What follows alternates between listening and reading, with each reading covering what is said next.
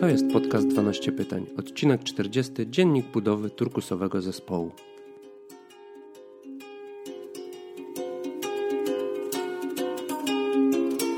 Cześć, nazywam się Przemek Karczewski i witam Cię w podcaście 12 pytań, w którym będę starał się zainspirować Cię do refleksji nad sobą, swoją świadomością oraz możliwościami i wyzwaniami, jakie wiążą się z turkusową transformacją ludzi i organizacji. Zanim przejdę do głównego tematu dzisiejszego odcinka, to mam dla Was krótką informację. Chcę tworzyć dla Was więcej, częściej i lepiej. Aby to zrealizować, chcę prosić Was o wsparcie. Założyłem konto na platformie Patronite. Patronite to takie miejsce, w którym społeczność może wesprzeć finansowo różnego rodzaju twórców, blogerów, youtuberów, podcasterów i, i, i, i też innych. Na moim profilu na Patronite znajdziesz m.in. opis finansowych celów, osiągnięcie których pozwoli mi na realizację wielu pomysłów i projektów, które będą wspierać misję mojego bloga. Jeśli to, co robię, daje Ci jakąś wartość, wejdź na mój profil, który podlinkuję w notatkach do tego odcinka i zapoznaj się z nim. Zastanów się, czy masz chęć i możliwość wsparcia mojej działalności. W zamian oferuję Ci różne ciekawe prezenty. Z góry dziękuję. Dzisiaj chciałbym opowiedzieć Wam o tym, jak tworzył się zespół, którego jestem częścią.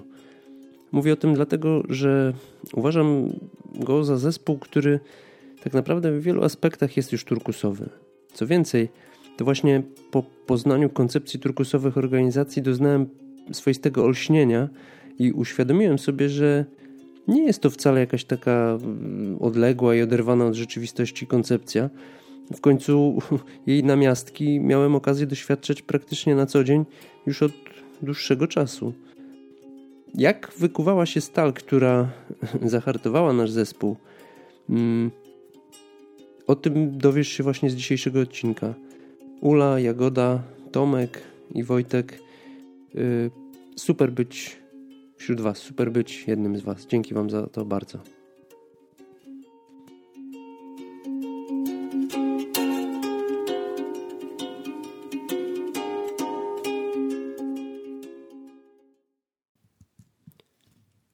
Pięciu ludzi, około ośmiu lat, myślę, że tysiące rozmów i dyskusji i bez mała kilkadziesiąt pożarów do ugaszenia.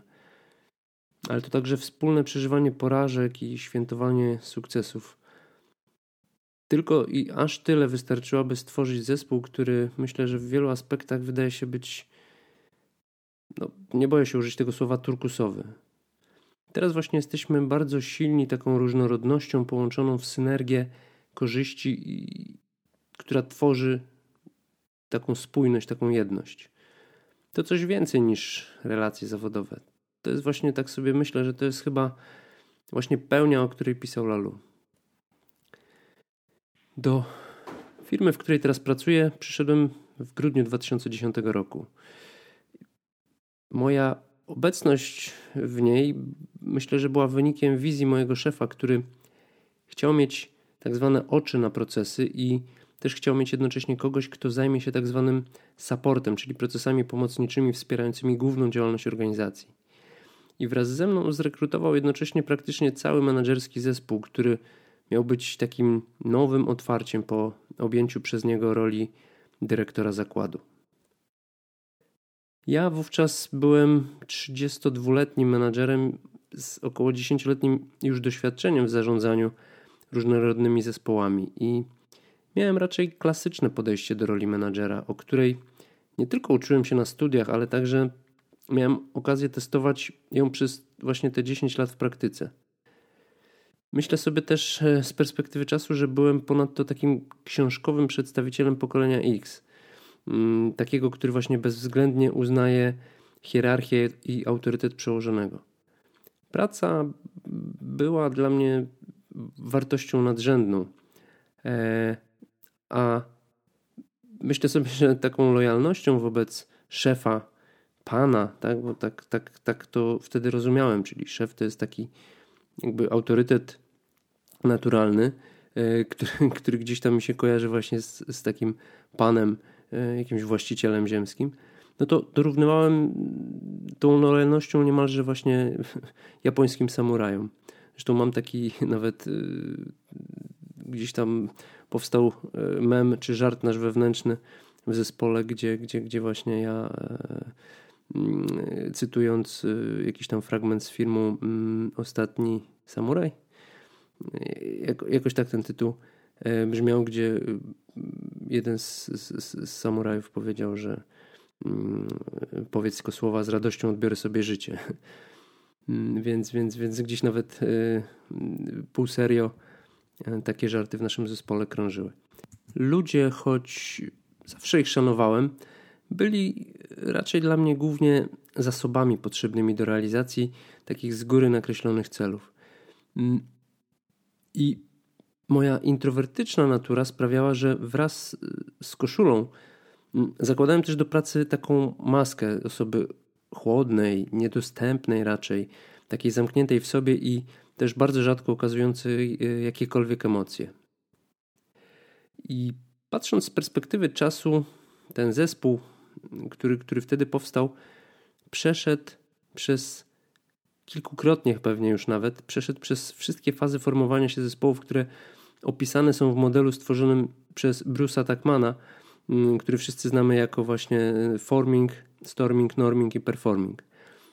Myślę, że wtedy na początku mieliśmy trochę nawet łatwiej, dlatego że wszyscy zaczynaliśmy w tym samym miejscu i w tym samym czasie.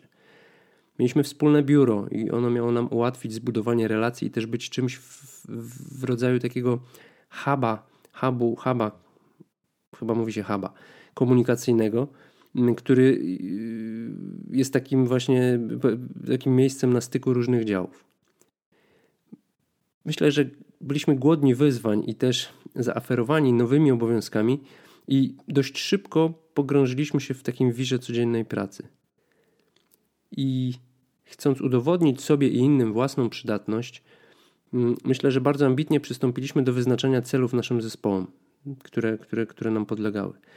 Poświęciliśmy się pracy w naszych tak zwanych silosach, nie interesując się specjalnie ogródkiem sąsiada, a przecież jak to z silosami bywa, no wydostanie się z takiego silosa, im on jest wyższy, im dłużej budowany, jest coraz bardziej trudne, a pozostanie w nim tak naprawdę grozi no, mocną utratą obiektywizmu i, i takiej szerszej, całościowej perspektywy. I wtedy też zaczęły się pierwsze zgrzyty i starcia między nami. E, I wtedy właśnie można powiedzieć, że powstał, pojawił się pierwszy storming. Jest to bardzo trudna, ale też e, wiem już z doświadczenia, że niezwykle potrzebna faza formowania się zespołów. To właśnie tutaj tak hartuje się ta stal i jeśli kilkukrotnie nie rozgrzejemy i, i schłodzimy ujawniających się tutaj problemów, temperamentów czy emocji, to tak naprawdę hart zespołu stanie się nietrwały, Y, będzie kruchy i też będzie bardzo podatny na zniszczenie. Przez te wszystkie lata y, przerobiliśmy kilka takich poważnych stormingów i z każdego wychodziliśmy, można powiedzieć, silniejsi, chociaż y, no, nie wszyscy z nas dotrwali do końca. Od ostatnich zmian personalnych w 2016 roku stanowimy zespół właśnie takich indywidualności znających się, można powiedzieć, jak łyse konie i też zawsze i bezwzględnie mogących na siebie liczyć. Nazywamy zresztą to, ten nasz zespół Dream Teamem, tak sobie może nieskromnie wewnętrznie, ale, ale tak o nim mówimy. Teraz właśnie bez obaw y, spieramy się na argumenty i w ogóle nie obawiamy się, nie obawiamy się całkowicie otwarcie ich artykułować.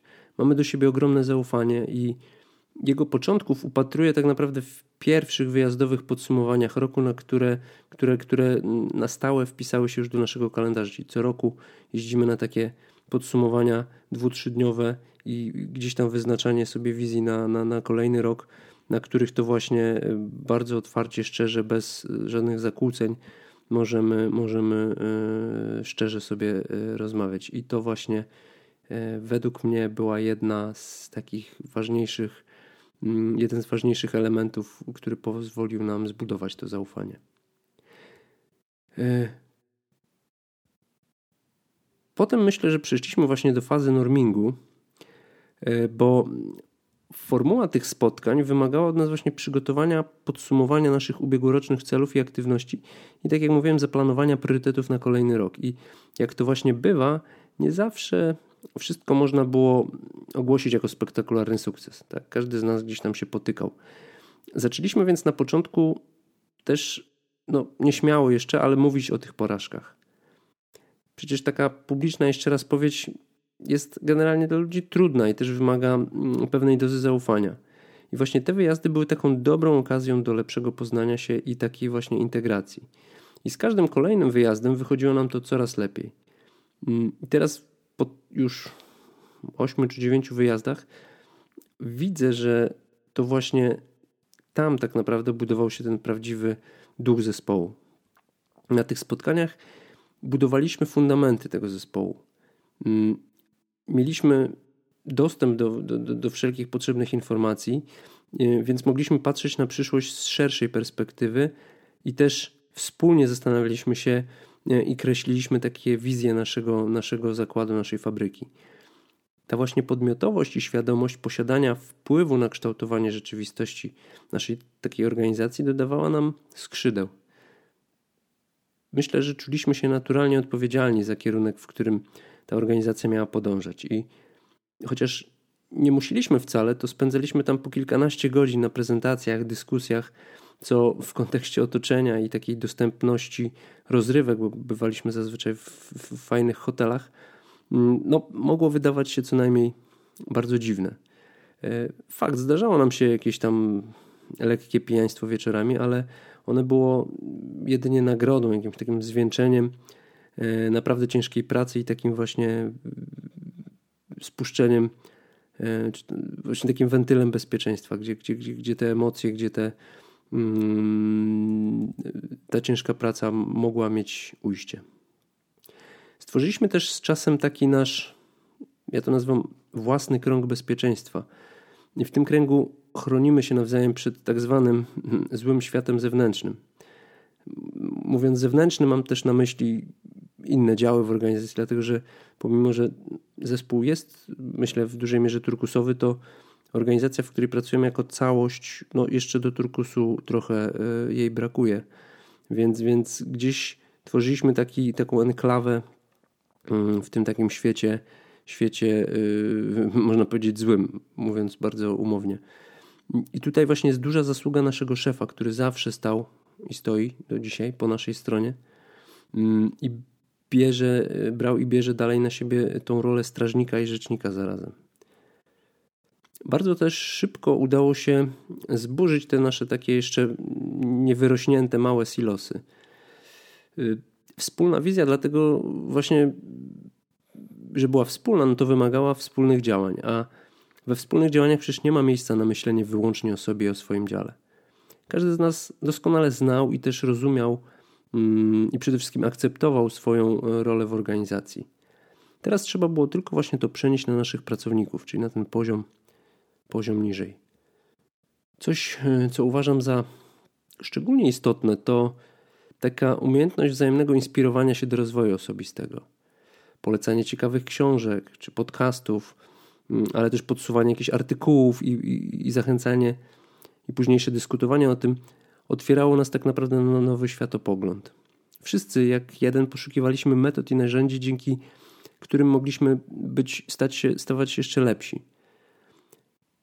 A poznanie i wykorzystanie mm, właśnie motywatorów wewnętrznych, czy talentów, czy profili osobowościowych, o tym też już mówiłem i pisałem na blogu, umożliwiło nam jeszcze głębsze poznanie się i zrozumienie, a, i też taką akceptację, no, no nie ukrywajmy, pewnych różnic, które naturalnie występują między ludźmi i w naszym zespole też te różnice oczywiście występowały. Świadome czerpanie z naszego właśnie arsenału różnorodności mm, stopniowo, acz dosyć szybko myślę, stało się mm, naszą prawdziwą, można powiedzieć, siłą. I tu wydaje mi się, że wchodzimy już w tą fazę performingu. I myślę, że w tej fazie udaje nam się dosyć często bywać już od około 3 lat. Ja osobiście rozumiem performing jako stan, w którym zespół wznosi się na, wznosi się na swoje wyżyny, osiągając nowy, wyższy poziom myślenia i działania. I w naszym przypadku takim kamieniem milowym był pomysł wizualizacji naszych wyobrażeń na temat organizacji e, i spojrzenie na to z, z perspektywy kilku lat, przyszłości kilku lat. Nazwaliśmy go fabryką marzeń i uruchomiliśmy wtedy naszą kreatywność, ujawnili, ujawniliśmy mm, nasze wewnętrzne potrzeby i tak z takiej początkowej wizji dosyć mglistej powstał, można powiedzieć, bardzo rozbudowany, bardzo taki szczegółowy mm, program realizacji tej wizji w praktyce. Z kilkudziesięciu wygenerowanych wtedy pomysłów, mm, teraz chyba już zrealizowaliśmy kilkanaście, usprawniając tak naprawdę wiele obszarów naszej organizacji. E, gdzieś tam pozostałe stoją w kolejce e, i, i, i na pewno będziemy je realizować równie konsekwentnie, bo widzimy bardzo dużą wartość i tak naprawdę to jeszcze nas bardziej utwierdza w tym, że to my tworzymy, tworzymy naszą organizację, my mamy na to wpływ i, i ta wizja, którą sobie gdzieś tam wspólnie określiliśmy, jest konsekwentnie realizowana. I uwolniony w, ten, w, w, w, pełni ten potencjał zespołu też przyczynił się do takiej kolejnej bardzo ważnej zmiany, tym razem zmiany w podejściu do też celów i sposobów ich realizacji. I już też y, pisałem o tym w, w jednym z artykułów mm, i też y, w podcastach mówiłem o tym na temat naszej drogi do turkusu. Podlinkuję oczywiście w notatkach do odcinka. Y, I to była droga, która tak naprawdę sama w sobie staje się naszym celem. Mam poczucie, że stanowimy ten tak zwany Dream Team właśnie niczym amerykańska reprezentacja w koszykówce na Igrzyskach w Barcelonie właśnie w 1992 roku. Jestem fanem koszykówki, może teraz już trochę mniej oglądam, ale właśnie pamiętam te Igrzyska w Barcelonie, gdzie, gdzie, gdzie zespół złożony naprawdę z mega gwiazd NBA, tam był i Jordan, i Barclay, i, i, i, i Ewing. Y, naprawdę najwięksi, najwięksi koszykarze chyba w historii koszykówki. I podobnie jak tamten zespół, my potrafiliśmy wykorzystać nasze indywidualne umiejętności dla dobra zespołu. I też dodatkowo mm, czerpaliśmy z tego bardzo dużą i autentyczną naprawdę przyjemność. Wydaje mi się też, że taki zespół nie zdarza się zbyt często. Więc gdzieś tam w głowie krąży mi pytanie, dlaczego akurat nam się udało? Dlaczego jakby. Co, co, co spowodowało, że, że, że stworzyliśmy tak niespotykany, rzadki, rzadki, rzadki, jakby rzadką współpracę, rzadki, wypadło mi słowo, taką synergię, taki, taki, taki team, który, który, który jest jednym ciałem, można powiedzieć. Po pierwsze, na początku był lider z wizją, i ten lider potrafił zaszczepić tą wizję w nas. Mm, zawsze przy nim czujemy się bezpiecznie i swobodnie, co też pozwala nam na pracę kreatywną, mm, odważną, a też przy tym bardzo odpowiedzialną. Po drugie, myślę, że wypracowaliśmy też i wyznajemy wspólne wartości, przez co na pewno mm, dużo łatwiej jest nam razem współpracować. E, I to się sprawdza w każdej sytuacji. Po trzecie, myślę, że każdy członek zespołu czuje się równie ważny i też współdecyduje, ma możliwość współdecydowania o losach całego zakładu. To, co mówiłem, nie silosujemy się, tylko jakby regularnie e, rozmawiamy, e, spieramy się, dyskutujemy, analizujemy i jakby patrzymy przez pryzmat całego zakładu. Po czwarte, wraz z odpowiedzialnością mamy bardzo dużą taką decyzyjność i też swobodę w, w, w sposobach naszej pracy indywidualnej, ale także tej, w jaki sposób pracujemy z naszymi ludźmi. Mm, oczywiście wszystko to odbywa się w zgodzie ze wspólnymi wartościami. I e, po piąte, myślę, że doskonale znamy się, doskonale się rozumiemy i akceptujemy swoją różnorodność. I wreszcie po szóste, dążąc do ciągłego rozwoju, wzajemnie się nakręcamy, wzajemnie się inspirujemy. Jagodo, Ulu, Tomku, Wojtku, tu oczywiście zastosowałem kolejność alfabetyczną. To przede wszystkim o Was, tak? To, to, co dzisiaj powiedziałem, to jest przede wszystkim o Was. Bardzo dziękuję Wam za te wszystkie lata i też nie mogę się doczekać następnych lat. Wiem, że będą jeszcze lepsze i, i że razem będziemy jakby tworzyć rzeczy wielkie, fajne i gdzieś będziemy w, w, cały czas konsekwentnie tworzyć taką atmosferę, taką przestrzeń, gdzie te turkusowe wartości e, no, są w praktyce realizowane. Czy można o nas powiedzieć, że jesteśmy turkusowi? Tego nie wiem, ale wiem, że tak właśnie sobie ten turkus wyobrażam. I też to dlatego tyle o nim gadam, bo z doświadczenia wiem, że działa w praktyce, choć nie zawsze oczywiście i nie wszędzie i nie w każdym czasie. Natomiast myślę, że spróbować warto, dlatego że to po prostu e, się opłaca. Tak po ludzku się opłaca.